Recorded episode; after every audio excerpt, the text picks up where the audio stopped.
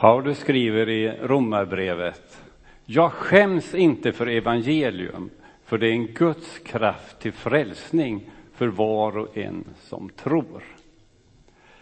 Ordet evangelium är något av det vackraste ord jag vet. Och det betyder väldigt mycket för en kristen och för en församling. Evangelium, det glada budskapet om Jesus som frälsare, räddare, herre och mästare. Vi har det i julevangeliet. Och vi har det i berättelserna i Bibeln som vi kallar evangelierna som berättar om Jesus. Jag har fått det här ordet med mig ända från det jag var barn. Eh, jag var inte så gammal när jag fick hämta posten hemma. Det var en bit att gå till brevlådan. Och när jag gick därifrån så bläddrade jag väl lite och tittade på vem det var som hade fått några brev. Det var mest till pappa faktiskt. Och ibland så var det då till evangelisten Einar Gustafsson. Eh, och när jag började kunna läsa så skrev jag där evangelist. Evangelist och så gick jag in, evangelist, pappa vad är det? Det står att du är evangelist. Säger pappa, evangelist, det är en som berättar för andra människor om barnavännen Jesus. Tänk att få det med sig som barn. Att Jesus är min vän. Immanuel, Gud med oss. Det var evangelium. Och jag är så tacksam att jag har fått det ordet med mig, vad evangelium betyder. Det fanns också en tidning för barn på den tiden som just hette Barnavännen. Och där fick man också den här tanken med sig. Jesus är min vän. Kan ni ana vad det betyder genom ett liv att få det med sig? Många av er har haft det. Andra kanske inte. Men det är en rik välsignelse för mig att ha haft det med hela tiden. Jag vet inte om vi kan visa en bild på min pappa nu. Det blir ju lite annorlunda, det blir mer ett eh, vittnesbörd i den här situationen. Men det här har ni aldrig sett. Men jag hittade hemma nu, jag blev rörd av det. Det är min pappa med dragspelet och sången. Och han var ju ute på evangelistveckor, han var alltså inte evangelist på heltid. Utan eh, speciellt på vintrarna hade han veckor, han reste i församlingar i närheten eh, och hade evangelisationskampanjer. Eh, och så kom han hem, då hade han varit borta en vecka, och så hade han med sig lite intressanta saker. Han var i en del samhällen och städer som vi aldrig hade möjlighet att åka till. Han hade med sig roliga saker som han hade köpt på marknaden och sådär till oss barn. Men det jag minns allra mest, det var ju att mamma alltid frågade, blev det några frälsta? Alltså det är det här evangelisthjärtat då. Det har jag också förstått från början. Och ja, då var det ju ofta så. Och ibland var det till och med så att pappa inte kom hem på avsett tid. Eh, och, och då fick han dröja några dagar och stanna på det här stället och kom hem senare. Och då fick jag höra att det berodde på att det var väckelse. Då fick jag ordet väckelse också med mig som barn. Och det betydde, nej men då hände det så mycket och människor blev frälsta så att pappa fick stanna där. Och det är klart att det kändes ju lite tråkigt att han inte kom med presenten och allt det där. Men så som mamma uttryckte detta så var, förstod jag att det var något väldigt positivt ändå. Med denna väckelse. Mm. Och sen var det en annan sak som mamma alltid frågade. Och det grundar jag mycket på innan jag fattade det. Du har väl inte varit svår mot församlingarna?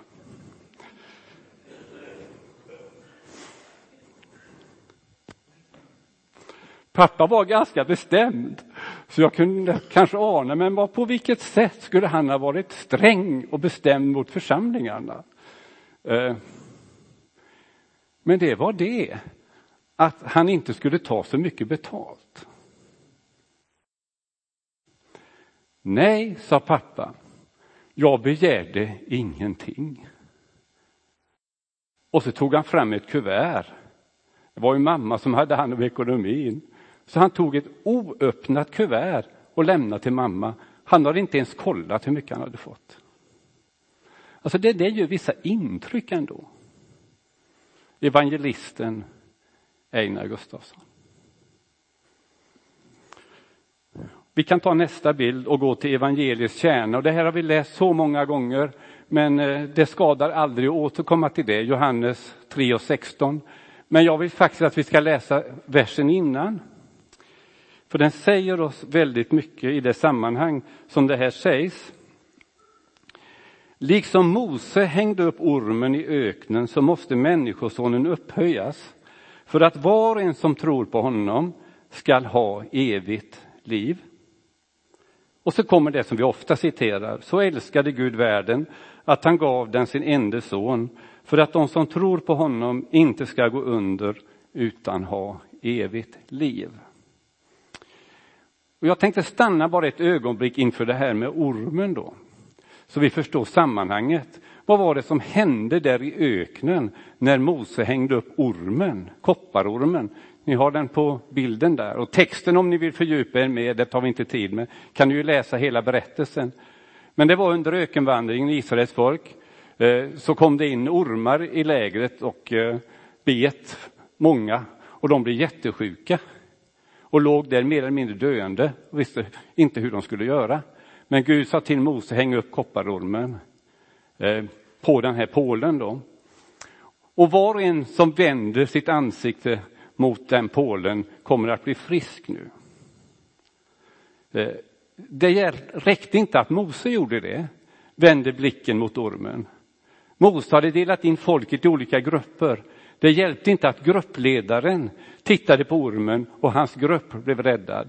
Var och en, hur döende de än var, fick släpas fram och rikta ögonen på ormen då. Och jag säger detta för att göra tydligt att det här måste vara för var och en. Det är därför det står var och en. För om vi läser Moseböckerna så står det var och en som såg upp mot ormen blev räddad. Så det är för var och en och det är ett personligt ställningstagande. Jag skäms inte för evangelium, säger Paulus. Alltså det finns ju mycket som man egentligen kan skämmas för. Man tänker på hur man har betett sig, vad man har gjort och gör. Och ibland kan det också vara för församling. Man tycker varför gjorde vi så? Varför blev det så? Det finns skäl att skämmas för mycket. Men när jag läser om Jesus Kristus i evangelierna och vad han gör så finns det en del som jag tycker är lite svårt att förstå. Men det finns ingenting som jag har anledning att skämmas för av det Jesus har sagt och gjort. Jag skäms inte för evangeliet. Det kan vi faktiskt stå för.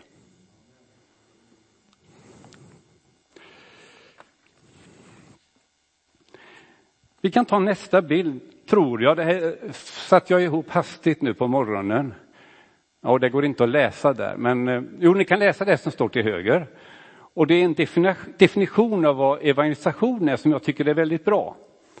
Eh, som en av Billy Grahams medarbetare, eh, Lon Ellison, har formulerat.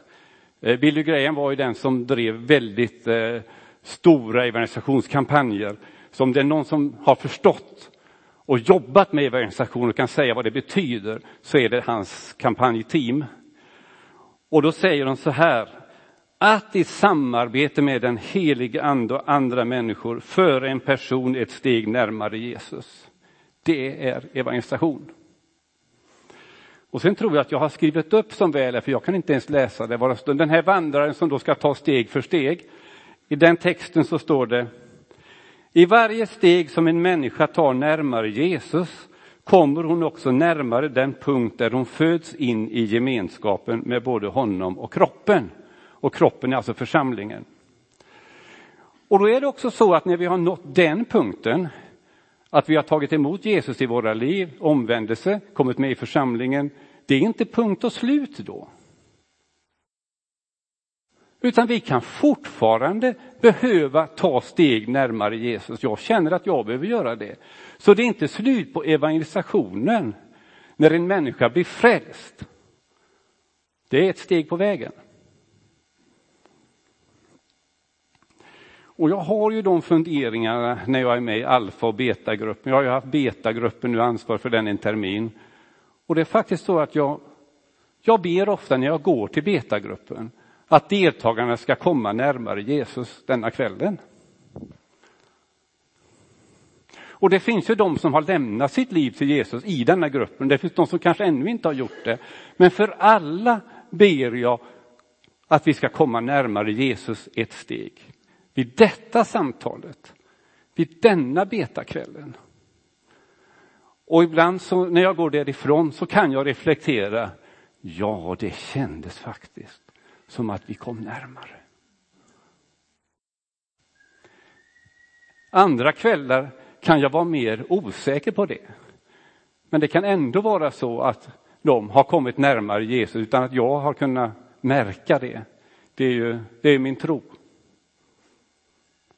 Så det är ofta en process detta, att ta steg för steg närmare Jesus.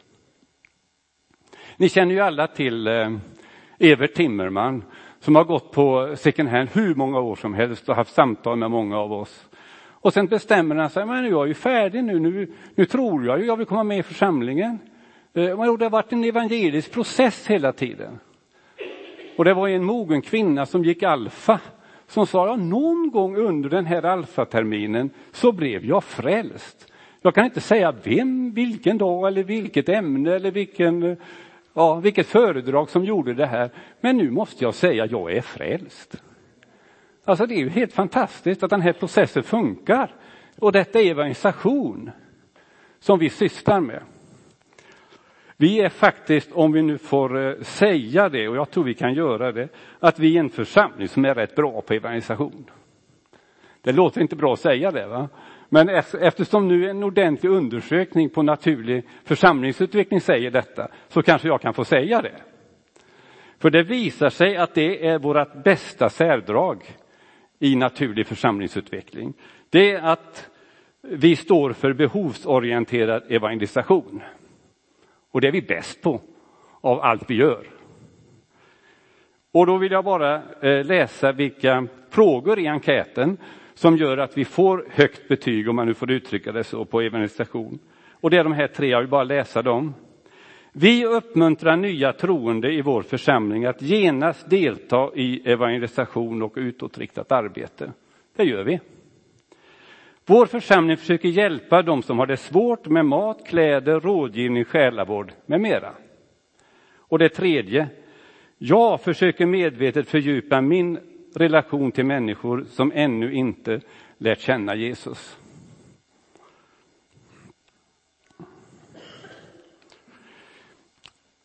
Så det är alltså ett stort misstag när vi tänker att evangelium är till för andra. Det är till för dem som ännu inte har lärt känna Jesus. De som behöver bli frälsta. Andra behöver bli frälsta, jag behöver inte det. Det är feltänk. Så jag skulle önska att vi nu bara någon minut tänkte på vårt eget behov av att komma närmare Jesus.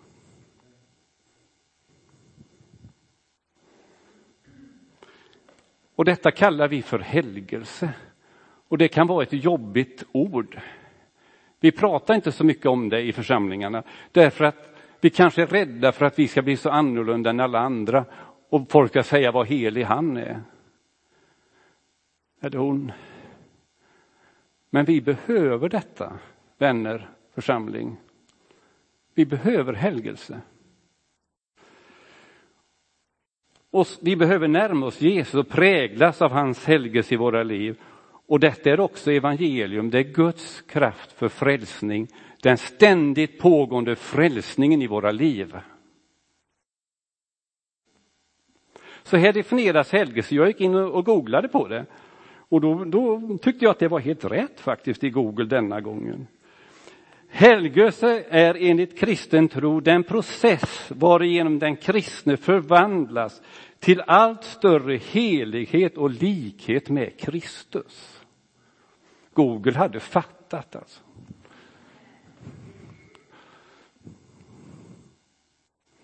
Låt er förvandlas genom förnyelsen av ert sinne, säger Paulus.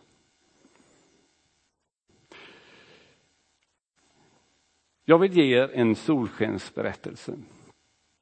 Det var ett litet barn, kanske i femårsåldern, en flicka som lekte på stranden en solig dag. Hennes morfar var med och satt med solglasögon och solade sig i en stol. Hon var inte säker på att han var vaken en gång, fast det var han. Hon gjorde ett sandslott den här flickan med eh, en sån här vallgrav runt omkring där hon skulle ha vatten då runt det här slottet. Men det funkade inte för det låg en stor sten just där vallgraven skulle vara. Så vattnet nådde inte ända runt. Och hon tyckte det här blev inte bra. Hon ryckte och drog i stenen, försökte på allt sätt att få bort stenen, men det gick inte. Eh, morfar ser ju detta till slut och lyfter på glasögonen och säger till henne, du måste använda hela din styrka. Hon blev ännu mer ledsen. Morfar, det är ju det jag har gjort, jag orkar inte mer. Jag kan inte lyfta stenen, jag har redan använt all min styrka. Nej, det har du inte, sa morfar, jag var ju här. Du kunde bett mig. Så här står det i psalm 121. Han som bevarar Israel, han slumrar inte. När det gäller evangelisation är han beredd att bistå oss med all nödvändig styrka för andras frälsning om, och vår egen helgelse, bara vi ber honom om det och inte tror och litar på vår egen styrka. Så här har jag formulerat en avslutning, jag tror jag vill läsa den innan till.